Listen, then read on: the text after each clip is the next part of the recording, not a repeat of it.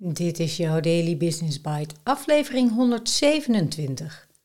Hoe Moonback CEO Niels Meijsen reflecteert volgens de gripmethode door Niels Meijsen op deondernemer.nl. En ik ben je host, Marja den Braber.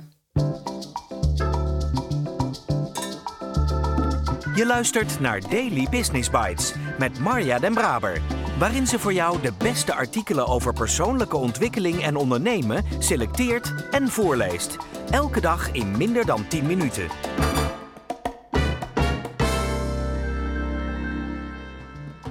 Dit is de podcast waarin ik jouw oren streel met de zachte klanken van de beste artikelen over ondernemen en persoonlijke ontwikkeling die ik maar kan vinden.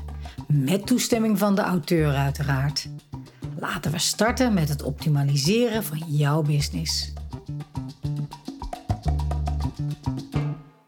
Mijn favoriete periode van het jaar komt er weer aan. Niet de feestdagen zelf, maar de dagen tussen kerst en nieuwjaar. Ik kijk er nu al naar uit. Ongestoord werken. Vaste prik deze periode is voor mij een reflectie op het afgelopen jaar en vooruitkijken naar het jaar dat komen gaat. Twee activiteiten die je het beste kunt uitvoeren zonder afleiding van e-mail, telefoontjes of afspraken. En precies die focus krijg je cadeau als anderen vakantie hebben. Begrijp me niet verkeerd, ik ben een groot voorstander van het nemen van voldoende vakantie. Maar het is heerlijk om te werken als anderen vrij zijn. Voor mij zijn de dagen na kerst hiervoor ideaal. En qua timing is dat een natuurlijk moment om te reflecteren op het afgelopen jaar. Ik heb dit ritueel geleerd in de bestseller Grip van Rick Pastoor. Zijn boek staat bordevol praktische tips over het slimmer inzetten van je agenda, takenlijst en mailbox. Maar ook over het maken van grotere plannen en realiseren van levensdromen. Het jaarplan is hiervoor een goed middel en het maken daarvan begint met reflecteren. Ik kijk voor mijn reflectie altijd terug in mijn agenda. Week voor week loop ik langs alle afspraken en door het zien ervan kom ik met mijn gedachten weer terug in dat moment. Per maand schrijf ik vervolgens op wat er goed en minder goed ging. Dat lijstje van hoogte- en dieptepunten geeft ontzettend veel informatie. Ik moet het huidige jaar nog evalueren, maar in januari 2020 stond er bij mij bijvoorbeeld. Wat waren hoogtepunten? Vrijgezellenfeest en trouwfeest van mijn broer Luc wintersport met collega's van Today Tomorrow, inwerken van een collega die taken overneemt tijdens mijn tienweekse sabbatical. Wat ging er minder goed? De samenwerking met klant X. Nadat ik een tabel heb gevuld van 12 maanden met hoogte- en dieptepunten, maak ik geheel volgens de gripmethode een samenvatting van mijn jaar voor de onderstaande categorieën: werk, relatie, familie, vrienden, gezondheid, spiritueel, vaardigheden, side projects, plezier, geld.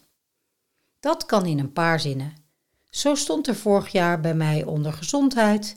Twee keer per week bootcampen in het park voelt erg goed. Ik heb wel de druk van een groepje nodig om vol te blijven houden.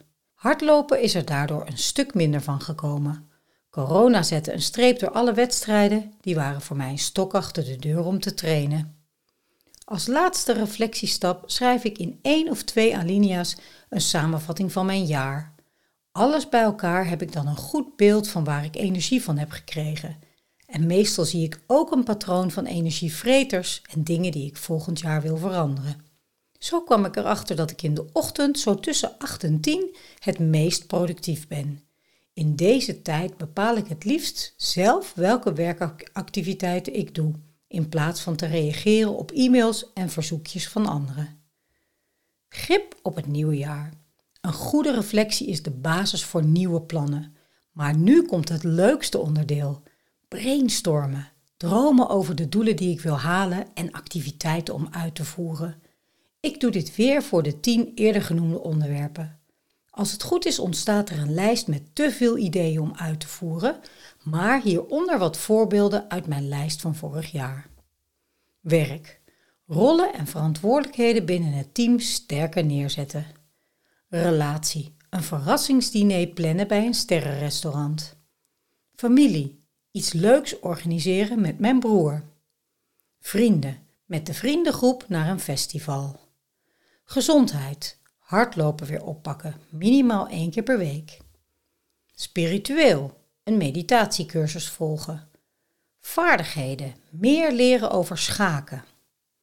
Side projects. Architectuur moodboard maken met inspiratie voor een nieuw huis. Plezier. Een roadtrip door Italië of Portugal. Geld. Podcast luisteren over investeren in ETF's. Droom groot, start klein. Grootse plannen bedenken is leuk, maar nog leuker is het om die plannen ook echt te realiseren. Als laatste stap van mijn jaarplan formuleer ik daarom concrete en haalbare acties voor het eerste kwartaal. Het plan om meer te leren over schaken is weinig concreet. Als acties maak ik daar bijvoorbeeld van Kijk een filmpje op YouTube over schaken, download een app om schaken mee te leren en doe de eerste les. Kan iemand anders controleren of ik de actie gedaan heb? Dan is de formulering concreet genoeg. En ook al is de eerste actie klein, het zet me in beweging en zorgt ervoor dat het grotere doel dichterbij komt. Elke reis begint met de eerste stap. De kracht van herhaling. Ik plan wekelijks een moment om naar mijn kwartaaldoelen te kijken en de voortgang te bewaken. Begin april doe ik dan een korte reflectie van het kwartaal. Ook pak ik de lijst met de ideeën uit de brainstorm er weer bij om doelen te formuleren voor het tweede kwartaal. Alles bij elkaar ben ik hier misschien een uurtje mee bezig. Ik herhaal dit elk kwartaal en zo bouw ik aan een goede routine om mijn doelen en dromen te bereiken. Daily Business Bites met Marja Den Braber. Je luisterde naar hoe Moonback CEO Niels Meijsen reflecteert volgens de gripmethode door Niels Meijsen.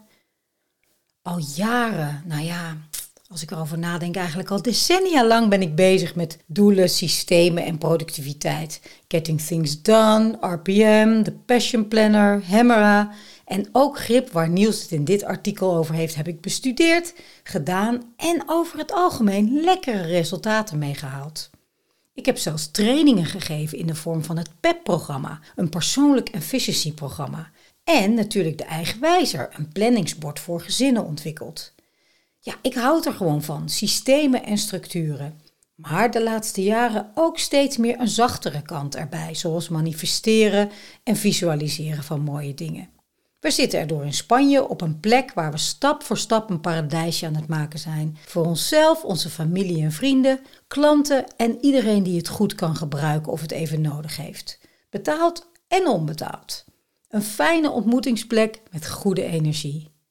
Het is ook een belangrijke reden dat strategische positionering, ultieme uitkomsten en ritme de drie belangrijkste elementen zijn in het niet-standaard jaartraject. En dan op persoonlijk, zakelijk en professioneel vlak. Laat me weten of dat voor jouw bedrijf of carrière interessant kan zijn om eens over te sparren. En ik spreek je graag morgen weer.